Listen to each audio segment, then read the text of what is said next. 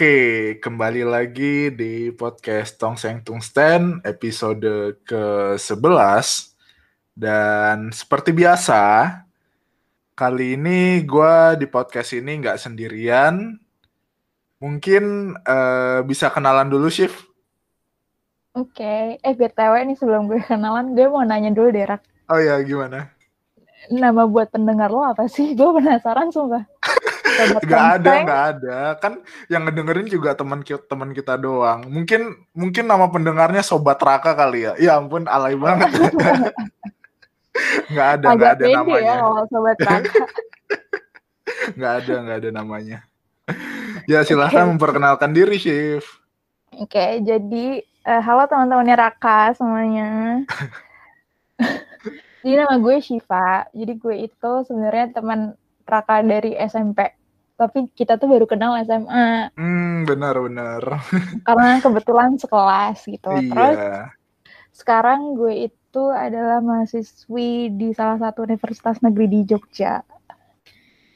Jurusan jurusan jurusan. Oh, jurusan juga? Iya, boleh, boleh. Jurusannya agrobisnis. Oke. Okay. Nah, pas banget nih.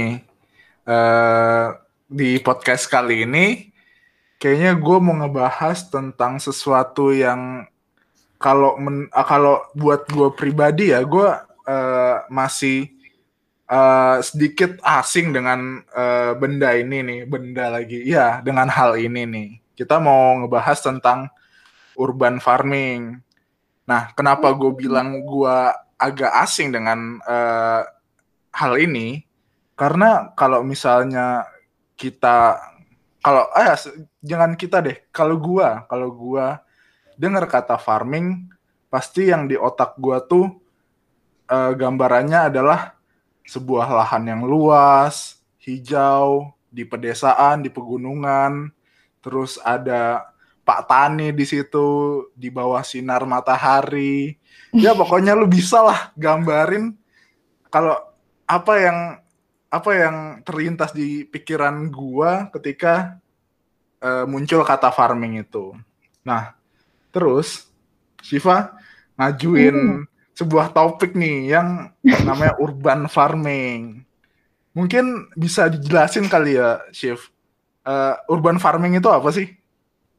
Urban farming itu adalah jadi kalau kita lihat dari kata-katanya aja, maksudnya urban berarti perkotaan kan, farming hmm. pertanian. Berarti hmm. kalau di traffic biasa pertanian perkotaan. Uh -uh.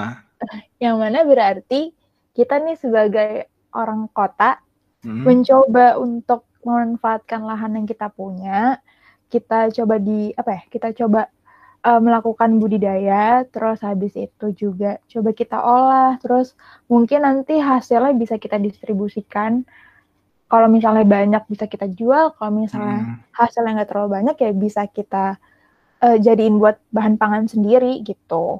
Hmm, ya ya ya ya.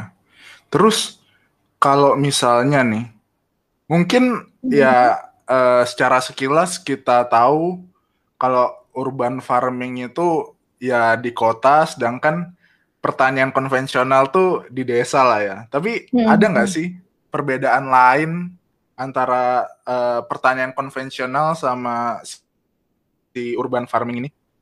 Oke, okay. mungkin tadi udah lo sebutin ya, maksudnya perbedaan paling jelas adalah letak letaknya mm -hmm. gitu kan. Mm -hmm. Terus perbedaan yang kedua itu mungkin dari banyaknya banyaknya tanaman yang ditanam itu juga termasuk kan. Maksudnya kalau lo uh, coba nanam di rumah kan nggak mungkin sebanyak yang ada di lahan yang luas di desa gitu kan. Mm. Hasilnya pun juga otomatis juga beda. Mm. Terus juga uh, orientasi kayaknya sih itu juga termasuk. Maksudnya orientasi orientasi si pelaku. Misal nih, kalau misalnya petani biasanya mm. itu kan uh, pasti orientasinya ke hasilnya gitu kan. Gimana mm. caranya hasil dari lahan gue ini banyak terus yeah uh, gue bisa dapat cuan nih dari sini kasarannya ah, gitulah yeah. sedangkan kalau misalnya urban farming mungkin lebih ke gaya hidup gitu loh orientasinya oh. karena kan kita nih sebagai misalnya kita sebagai orang kota Heeh.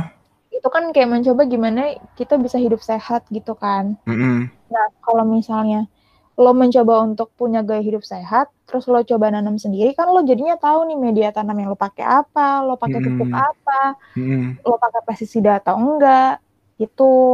Oh, oke oke oke, bisa dipahami sih. Gua cukup kaget mendengar kalau misalnya si urban farming ini eh, Mm-mm. berorientasi lebih ke gaya hidup ya. Tapi benar juga ya, kayaknya mulai banyak deh orang-orang yang eh, nanam makanannya sendiri gara-gara Iya, heeh. mereka lebih percaya kalau misalnya mereka nanam sendiri ya. Hmm, hmm, hmm. Lagi pula eh, sekarang tuh ada loh beberapa artis atau influencer. Lo tahu Ayudhia kan? Oh iya tahu. Heeh, tahu Terus tahu. ada juga namanya Tantri Namirah. Dia itu kayak salah satu ya art- salah satu ar- artis yang Hmm. mencoba untuk nanam eh, sayuran yang dia eh, untuk konsumsi itu sendiri gitu loh di rumahnya. Tapi itu juga Hmm. sebenarnya ya kalau gue perhatiin tuh baru kayak semenjak corona ini gitu loh Hmm. nanam dan emang setelah gue perhatiin maksudnya banyak orang yang sekarang mencoba untuk nanam-nanam gitu selama corona Iya, iya. mungkin karena ini kali ya apa untuk daripada gabut gitu kan Iya. nyari kerjaan terus ya udah akhirnya mencoba untuk nanam deh orang-orang Heeh. Dan kayaknya bertani itu juga untuk apa ya?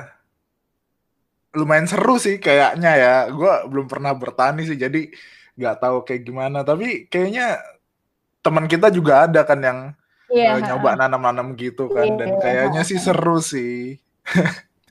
gue tahu nih siapa Iya ada. Nah terus Shift, eh, Hmm. ini urban farming kan kalau misalnya dari penjelasan lu tadi ya, kan itu kan Hmm. berarti eh, yang gue tangkap itu eh, bercocok tanam, tapi dia tuh lebih ke rumahan lah atau enggak komunitas kecil gitu kan. Hmm. Nah, eh, karena ini bentuknya rumahan atau komunitas kecil, Hmm. ini mungkin bisa dijelasin, Chef. Metode-metode apa sih yang dipakai di urban farming ini? Oke. Jadi sebenarnya untuk di urban farming itu banyak banget sih metode yang bisa dicoba Mm-mm. tergantung kemampuan orangnya kali ya. Kalau Hmm. misalnya emang punya, misal nih lo tinggalnya di komplek, terus ada Hmm. lahan yang kosong, lo bisa tuh manfaatin untuk nanam-nanam. Mm-mm. Terus juga kalau misalnya di rumah lo sendiri nih, terus eh, lo eh, apa ya, halaman rumah lo nggak luas, Mm-mm. lo tuh bisa pakai polybag doang misalnya atau di pot. Mm-mm. Terus juga lo bisa eh, pakai vertikultur. Terus bisa juga kayak hidroponik. Kalau lo pernah Hmm. dengar hidroponik mungkin. Terus Hidroponik itu sebentar. Hidroponik itu jadi gua masih nggak gua sering dengar kata hidroponik ya, tapi gua nggak tahu sih hidroponik itu kayak gimana. Itu hidroponik itu full air atau gimana sih? Pokoknya intinya media yang paling penting dipakai tuh air gitu loh, Rak. Ah, Walaupun Iya, iya. sebenarnya nanti ada sih maksudnya eh, ada nutrisi-nutrisi lain yang di yang ditambahin juga sebenarnya. Jadi hmm, nggak iya, yang iya. tok air doang gitu. Hmm, hmm, hmm. Terus kalau yang vertikultur tadi kayak gimana, Chef? Gua masih nggak ada gambaran nih. Lo pernah lihat ini nggak sih kalau eh, mungkin di sekitar rumah lo gitu ada Ah. orang yang nanam pakai pipa di dinding, Oh, terus pipa pipa di paralon dinding. Oh, oh iya iya iya tahu tahu tahu. antara di dinding atau mungkin di pagar rumah. Oh iya iya iya. Itu tuh Gue kira yang kayak gitu tuh hidroponik yang pakai paralon-paralon gitu. It- tergantung sih maksudnya mungkin ada juga orang yang ya paralonnya terus dalamnya diisi tanah Hmm, iya iya iya benar juga ya. Ada juga. Pokoknya intinya kalau vertikultur tuh ya gimana apa ya memanfaatkan lahan yang ada. Jadi kalau emang nggak punya halaman gitu, lo kan bisa nih nanamnya coba ke atas gitu loh. Hmm, iya iya iya iya. Nah bisa aja tuh maksudnya lo pakai botol plastik bekas mungkin Iya iya iya. atau tadi pakai paralon gitu. Mm-mm. Kayak nanam anggrek lah ya kan kalau anggrek tuh ada yang ngegantung gitu kan kalau nggak Mm-mm. salah. Mm -mm. Oh iya iya iya. iya. Terus ada juga pakai aquaponik itu. Hidroponik sama aquaponik tuh beda ya? Beda. Oh. Kalau aquaponik tuh jadi kayak uh, mencampur antara perikanan sama pertanian. Ah. Kasarannya gitu. Jadi gampangannya ini lo sekarang tahu nggak lagi boom, lagi lumayan booming uh, namanya budidaya ikan dalam ember. Iya tahu. Ya, kalau gua sih ngelihatnya dari yang uh, Instagram Pak Ganjar Pranowo ya, kayaknya mm -hmm. dia, hmm, hmm. iya iya iya, iya. tahu gua tahu tahu. Nah itu termasuk sistem aquaponik. Jadi ah. jadi uh, di ember itu kan misal ditaruhnya lele gitu kan yang dibudidayain. Mm -hmm. Terus di atasnya tuh ditanemin ini apa kangkung misalnya. Hmm. Nah itu kan jadi dalam satu tempat lo tuh bisa panen uh, ikan bisa, panen yeah, sayurnya yeah. bisa gitu. Jadi sebenarnya kalau yang setahu gue ya hmm. uh, salah satu tujuan adanya budik damber. Jadi budik damber itu ya singkatan dari budidaya ikan ember. Oke. Okay. Itu tuh untuk ya mencapai ketahanan pangan juga gitu loh. Hmm. Iya iya iya. iya. Tuh. Hmm. Terus nih Chef, hmm. uh, apa sih keuntungan dari penerapan urban farming ini buat terutama kita kita yang uh, tinggalnya di kota ya? Hmm. Mungkin yang pertama banget adalah budget sih. Oh, Oke, okay. gimana tuh? Gimana tuh? Kan jadi ngurangin pengeluaran kan? Mm -hmm. Untuk belanja Iya iya iya benar benar benar. Terus juga mungkin jadi lebih mudah gitu kan untuk uh, mendapatkan sayur gitu. Jadi lo nggak perlu uh, belanja, lo bisa hmm. tuh tinggal panen aja hmm. yang dari hasil uh, budidaya lo. Terus juga untuk ini nggak sih kayak kita jadinya juga punya peran buat lingkungan gitu loh. Karena iya, kan iya, dengan iya. menanam kan otomatis lo juga bisa membantu menambah oksigen gitu kan, ngurangi hmm. karbon dioksida. Iya iya iya. Jadi kan ngurangi dampak pemanasan global kan otomatis. Benar benar benar benar. Itu. Tapi Terus, kayaknya hmm? uh, kayaknya kalau misalnya yang untuk masalah pemanasan global nih, hmm. kan uh, kalau misalnya isu dunia tuh kayaknya mau memotong uh, chain dari distribusi kan, Chief. Mm-hmm. Kalau uh, ini sesok kesotoyan gue sih. Jadi hmm. kayaknya nih si urban farming ini karena uh, dari produksi sampai uh, ke konsumsinya itu chainnya cuman pendek, jadi itu juga hmm. bisa mengurangi emisi karbon ya. Soalnya kan kalau hmm, misalnya hmm. kalau di uh, pertanian konvensional ada kita harus distribusi ke uh, pengelola dulu, terus bisa ke uh, marketplace, terus yeah, baru yeah. ke konsumen. Kayaknya itu juga bisa si urban farming ini bisa berperan ya untuk hmm. mengurangi emisi karbon. Iya, betul. Iya. Terus, terus juga, ada lagi nggak? Ini loh, kalau misalnya gue sebenarnya takut salah ngomong sih. Hmm, Jadi gimana tuh? Yang aquaponik ini ya, kita hmm. ambil contoh itu. Kan kan dari kotoran ikan itu kan ngeluarin nitrat ya kalau nggak salah. Hmm. Iya nggak sih? gue takut salah sumpah nyebutin nitrat atau nitrit ya ya nah, pokoknya itu, pokoknya. ya nah itu tuh karena di atasnya ditanemin uh, apa namanya tanaman hmm. kangkung ini jadi si kangkungnya itu yang bakal nyerap si nitratnya itu loh jadi nggak nggak nggak bakal apa namanya si nitrat yang dari dari ikan ini tuh hmm. akhirnya nggak nambah uh, mengotori polusi. lingkungan gitu loh, ha, polusi hmm, gitu. Iya iya iya iya, benar sih. Terus juga apalagi ya manfaatnya ya? Uh, ini gue pernah baca, mungkin kalau urban farming, urban farming kan secara nggak langsung kita kayak berkebun kan. Mm -hmm. Katanya sih uh, bisa ini sih apa ya? Kayak membantu untuk menjaga kesehatan mental katanya. Oh iya iya iya. Ya mungkin sih. Soalnya kan kita jadi belajar untuk sabar. Uh, Terus juga mungkin bisa untuk healing juga kan. Wih, lihat yang ijo-ijo gitu kan. iya, iya, iya. Istilahnya melepas kesibukan iya, ya melepas selama uh, uh, melepas kepenatan sih. Mm -mm. Iya, iya, iya. Terus, nih Chef. Eh masih ada lagi nggak nih? Oh mungkin kayak ada satu lagi deh. Apa-apa? Ini bisa nambah cuan juga. iya kan? Kalau hasil lo banyak kalau jual. Benar, benar. Deh. Iya, iya, iya. Semuanya demi cuan. Terus ya, nih Chef. Corona kan, jadi. oh iya iya benar benar. Eh, Lagi serat ya pendapatan ya. Mm -mm.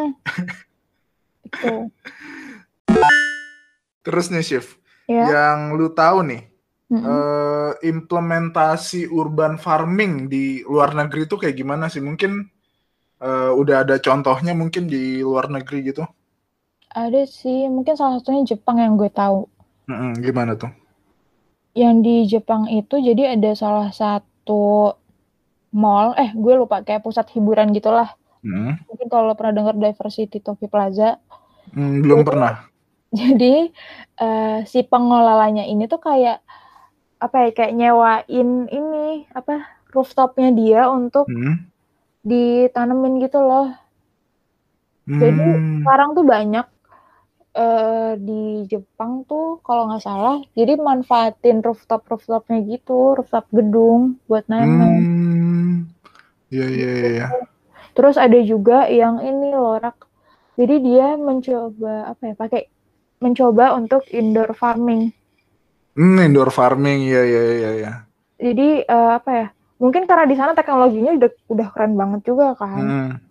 Jadi jadi kalau nggak salah ada namanya apa ya? Controlled gue lupa deh controlled environment agriculture hmm. apa apa gitu gue lupa. Hmm.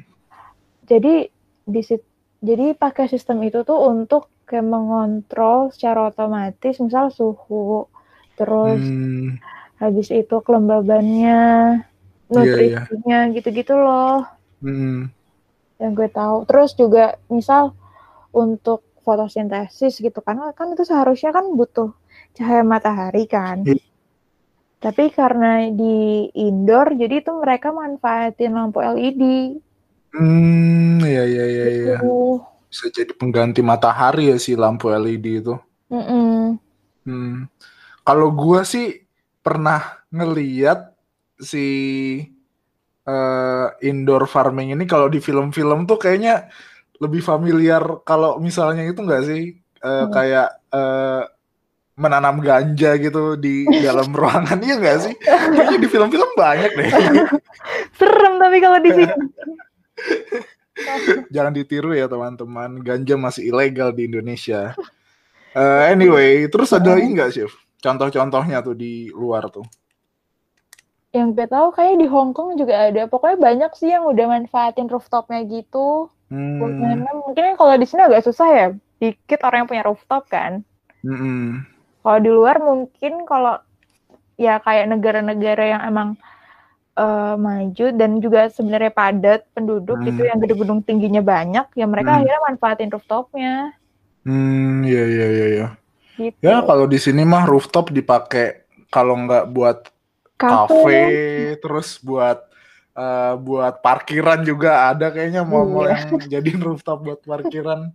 ya iya. beda beda itu ya beda beda orientasi beda cara memanfaatkan tempat Benar, benar, benar, benar. Terus nih, Chef.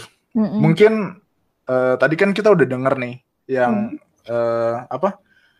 bertani dalam ember itu kan. Mm. Nah, terus ada nggak sih uh, mungkin contoh-contoh lainnya yang uh, si urban farming ini yang udah ada di Indonesia nih? Yang udah ada di Indonesia, mm -hmm. mungkin yang tadi sih, maksudnya kayak yang pakai polybag kan juga udah banyak banget kan? Hmm. pakai polybag kan tuh maksudnya termasuk yang gampang banget gitu loh buat dicontoh pakai polybag hmm. doang. Hmm. Terus mungkin kayak yang salah satu teman kita memanfaatkan halaman rumahnya. Hmm, iya iya iya. Kita sebut aja ya kali ya, Gaby gitu. Tapi kupingnya panas. Iya iya iya. Terus apa lagi ya? Ya kayak tadi deh maksudnya kalau nggak salah ya kayak ada lah RT RT gitu RT atau RW yang udah coba buat tadi tuh yang nanam-nanam pakai apa di plafon gitu-gitu. Hmm. Gue udah lumayan sering lihat sih maksudnya yang kayak gitu-gitu yang coba buat vertikultur. Hmm. Tapi mungkin tergantung, maksudnya ada yang emang manfaatin barang bekas, ada juga yang uh, mungkin rada niatan dikit gitu. Ah iya iya iya. iya. Tapi kalau gue pribadi sih hmm? jarang yang ngeliat ya, maksudnya. Oh iya. Iya sumpah jarang ngeliat gue atau mungkin gara-gara temboknya tinggi-tinggi kali ya jadi nggak kelihatan jangan-jangan di dalam rumahnya tuh pada pada urban-urban farming gitu bisa bisa terus uh, ini kan ya kalau buat gue ini kan sesuatu yang baru nih. Tapi lu pernah nggak sih niat shift kalau misalnya ada ada nggak sih promosi tentang urban farming ini di Indonesia? Buat misalnya supaya masyarakat lebih aware gitu. Kalau misalnya e, bercocok tanam di komunitas atau di masing-masing rumah tangga itu penting gitu. Ada nggak sih promosi-promosi atau upaya-upaya kayak gitu dari ya stakeholder atau pemerintah? Hmm, kayaknya ya kalau gue nggak salah pernah baca tuh Pemkot Semarang tuh kayak bikin urban farming itu jadi salah satu uh, program unggulan gitu loh kalau nggak salah. Oh. Jadi kayak mereka uh, mencoba untuk bekerja sama dengan kelompok tani di sana gitu. Mm -hmm. Terus uh, dari dinasnya ini juga coba ngasih bantuan gitu loh, Rak. Misal bantuan berupa benihnya. Mm. Terus kayak ada perawatan gratis gitu-gitu deh. Mm. Terus juga kalau nggak salah Surabaya tuh juga deh kalau nggak salah Rak. Gue kalau nggak oh. salah baca ya. Oh iya iya iya. Emang dasar guanya jarang keluar rumah sih, jarang keluar kos jadinya nggak tahu apa-apa di Surabaya gini mah. Di kan di belakang kantor apa gitu, gue lupa. Jadi tuh dibikin apa sih kayak uh, ya pokoknya intinya kayak manfaatin lahan di belakang kantor apalah buat hmm. ditanemin kalau nggak salah gitu ya. Hmm ya ya ya. ya. Nah uh, menurut lu Shift mm -hmm. kan ini kita lihat udah ada nih upaya-upaya dari beberapa let's say pemerintah kota lah hmm. yang untuk uh, supaya masyarakatnya nih uh, ayo kita bercocok tanam sendiri-sendiri gitu atau hmm. ya urban hmm. farming gitu kan. Hmm. Nah, menurut lu rintangan dari si urban farming ini di Indonesia nih apa sih sehingga kayaknya masih banyak orang kayak gua yang nggak nggak tahu bahkan kalau misalnya urban farming is a thing gitu. Hmm, mungkin ini kali ya apa namanya kayak belum di ini loh apa belum disebarin secara luas kali jadi banyak orang yang yang belum tahu tentang urban farming mm-hmm. terus juga mungkin dari kemauan orang itu sendiri juga rak itu kan juga mm. pengaruh banget kan misal kayak emang orang yang nggak nggak apa namanya nggak punya kemauan untuk nanam ya otomatis juga mereka ya bodoh amat gitu loh iya iya iya, iya. terus juga tadi kesadaran masyarakatnya sendiri kalau misalnya mm. mau mencoba untuk hidup sehat pasti kan ya setidaknya mencoba untuk nanam sendiri gitu kan. Hmm, hmm. Terus juga masih banyak juga kan kayak masyarakat di Indonesia tuh yang maunya instan. Hmm, benar. Ya kan kayak gak sabar gitu. Pengennya yeah, ya iya. udah yang penting gue langsung masak nih, gue langsung makan gitu ah, tanpa benar, benar, benar. tanpa har, apa ya, tanpa mau menunggu si prosesnya itu. Hmm. Dari dari kita mulai nanam sampai akhirnya panen. Hmm. Hmm, hmm. Kalau menurut gue sih itu sih rak yang hmm, kayak iya, iya. susah terus juga mungkin informasi kayak gue bisa dapat benih atau bibit yang bagus di mana nih itu kan masih kurang banget gak sih? Oh iya iya iya iya bahkan gue nggak tahu sih gimana itu cara nyarinya. Uh, uh, terus kayak misal gue mau coba nih buat ikutan urban farming terus caranya gimana ya? Kayak itu masih kurang gak sih informasinya?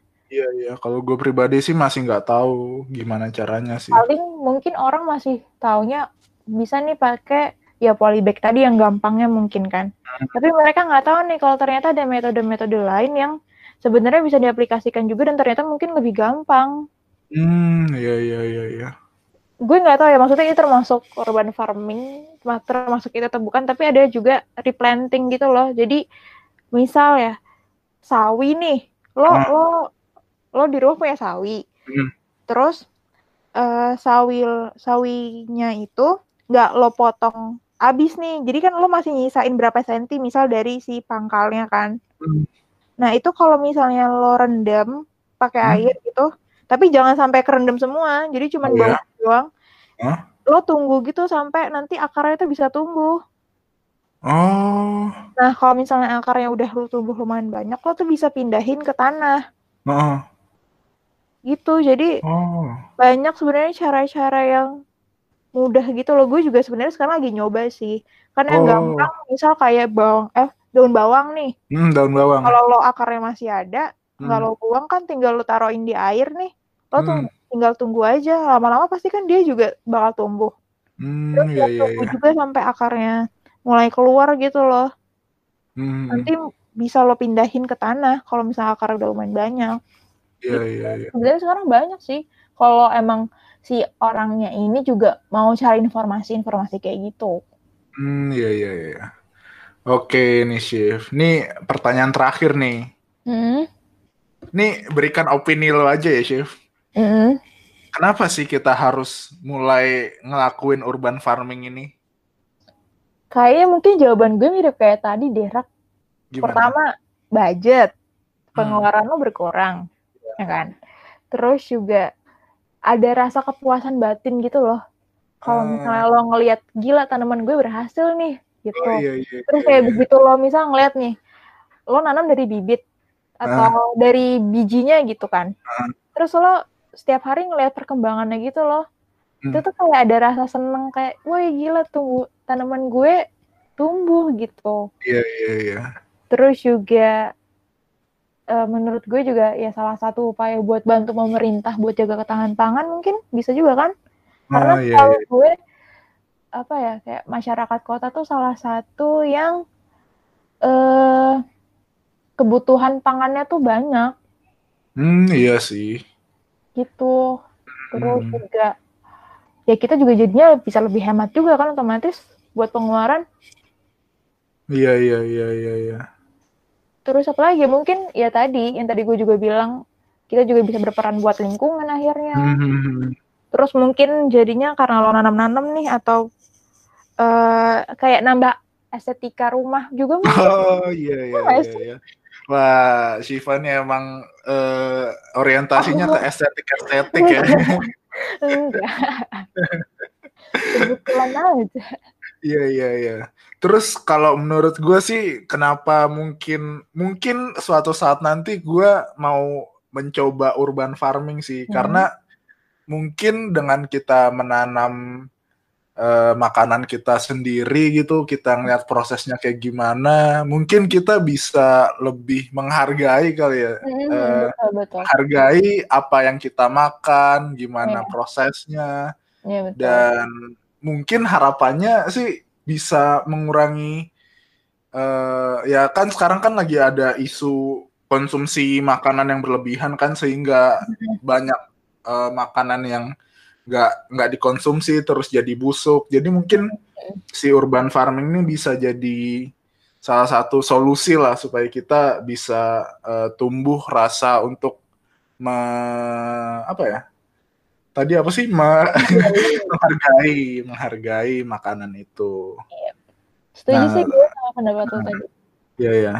Terus Sif, mungkin ada hal-hal yang belum kita bahas nih yang mau dibahas ke pendengar. Apa ya? E, masih berhubungan sama urban farming kah? Iya, boleh. Atau hal-hal lain yang nyerempet-nyerempet juga boleh. Apa ya? Eh uh dari gue gue masih bingung sih apa ya mungkin tadi yang tadi mungkin gue udah ngebahas tentang replanting itu hmm. sebenarnya itu termasuk itu tahu apa proker KKN gue tahu oh oh proker KKN iya iya, iya. iya. Sumpah, yang tadi kayak budidaya ikan dalam ember itu juga proker KKN gue. Uh... Gue masukin ke proker gitu. Terus uh, ini sih sebenarnya lo juga bisa manfaatin. Maksudnya kalau lo emang uh, apa ya? Tadi sayuran-sayuran mungkin yang emang udah gak bisa dimakan lagi, kayak udah busuk dan segala macam tuh bisa lo bikin jadi pupuk juga maksudnya selain jadi mungkin orang banyak yang tahu jadi pupuk kompos gitu kan hmm, hmm. tapi lo sebenarnya bisa bikin pupuk organik cair oh apalagi itu itu tuh itu gampang itu sebenarnya juga salah satu apa yang gue dapat selama kuliah sih pupuk ah. cair itu jadi kayak dan apa ya kayak cara bikinnya tuh juga sebenarnya lumayan gampang bikin alatnya oh lo misal yeah. nih punya bekas ember cat hmm. ada dua misal hmm. terus nanti uh, ember cat pertama nih posisinya di bawah hmm. Itu lo lubangin uh, untuk bikin kerannya jadi lo nanti pasang keran bikin keran uh -uh. terus uh, ember yang kedua yang di atas nanti posisinya huh? bagian bawahnya tuh lo bolongin gitu lo rak jadi uh. lo kayak semacam bikin saringan oh iya nah terus habis itu uh, di bagian deket tutupnya apa sih namanya jadi bagian atasnya si ember kedua ini iya. ember kedua ini hmm. lo tuh kayak bikin bolongan kecil di bolongan di samping-sampingnya hmm. itu untuk lalat tuh bisa masuk tapi lalat oh. kalau bisa apa sih ya Allah gue lupa nama lalatnya jadi ada spesies tertentu gitu ah uh, uh, astagfirullah gue lupa lagi black something gue lupa uh, pokoknya pokoknya itu tuh emang lalat yang bisa bantu mempercepat apa ya uh, dekomposisi si sayuran tadi ini. Oh iya iya iya. Terus iya. habis itu emang kan misal proses selama tiga bulan gitu kan. Kalau misalnya emang itu udah bener-bener mateng nih, maksudnya kayak emang udah jadi, itu tuh hmm. sebenarnya nggak bakal bau. Tapi emang mungkin selama nunggu itu sampai bener-bener nggak bau, ya emang lo mau nggak mau harus nyium baunya nggak enak banget sih, jujur. Hmm, iya iya iya. iya. Hasilnya tuh si apa namanya si pupuk organik cairnya ini itu tuh bisa ya udah lo lo misalnya di rumah punya tanaman apa gitu tinggal lo ini aja siram aja itu pakai si pupuk tadi ya ada sih maksudnya ada dosisnya sih maksudnya airan nanti berapa ya ya ya ya berapa gitu dan itu udah bisa dicari lah ya di internet kayaknya ya sebenarnya udah ada sih maksudnya yang jual kalau oh, emang yang yang oh. jual pupuk organik cair itu sebenarnya udah ada mungkin ya salah satu ya company-company gitu deh. Tapi hmm. kalau misalnya lo mau bikin sendiri itu bisa, maksudnya dan gampang sebenarnya. Hmm. Gitu, tapi emang ya butuh proses sih, maksudnya waktunya itu. Iya iya iya. Oke, Shift. Menarik banget sih omongan kita uh, hari ini. Banyak banget hal-hal yang gue uh, dapetin dari eh, ngobrol-ngobrol uh, kita saat ini dan gua harap juga teman-teman yang lainnya sih bisa dapat banyak hal sih. Kalau gue pribadi gue dapat banyak hal banget yang bisa gue pelajari uh, dari omong-omong kita dan gue harap sih suatu saat nanti mungkin gue akan mengimplementasikan si urban farming ini kalau kalau misalnya partner gue mau juga Mungkin lo nanti dari masa penjajakan nih udah dikenalin nih tentang urban farming nanti. iya iya benar benar. Aduh calon partnernya aja belum ada ya. Anyway. anyway, terima kasih ya Chief udah mau ngobrol-ngobrol bareng gua di hmm. uh, podcast kali ini. Thank you. Oh ya, semoga KKN lu lancar ya. Amin, amin, amin, amin, amin ya Allah. Masih okay. lama selesainya. Oh, masih lama ya? Itu sampai Agustus. Waduh, semangat, semangat, semangat. Iya, yeah, thank you. Oke, gua rasa untuk podcast kali ini bisa kita cukupkan sampai di sini. Uh, terima kasih teman-teman udah mau ngedengerin podcast ini. Gua Raka pamit. Diva pamit. Dan sampai jumpa di podcast berikutnya. Bye-bye. bye bye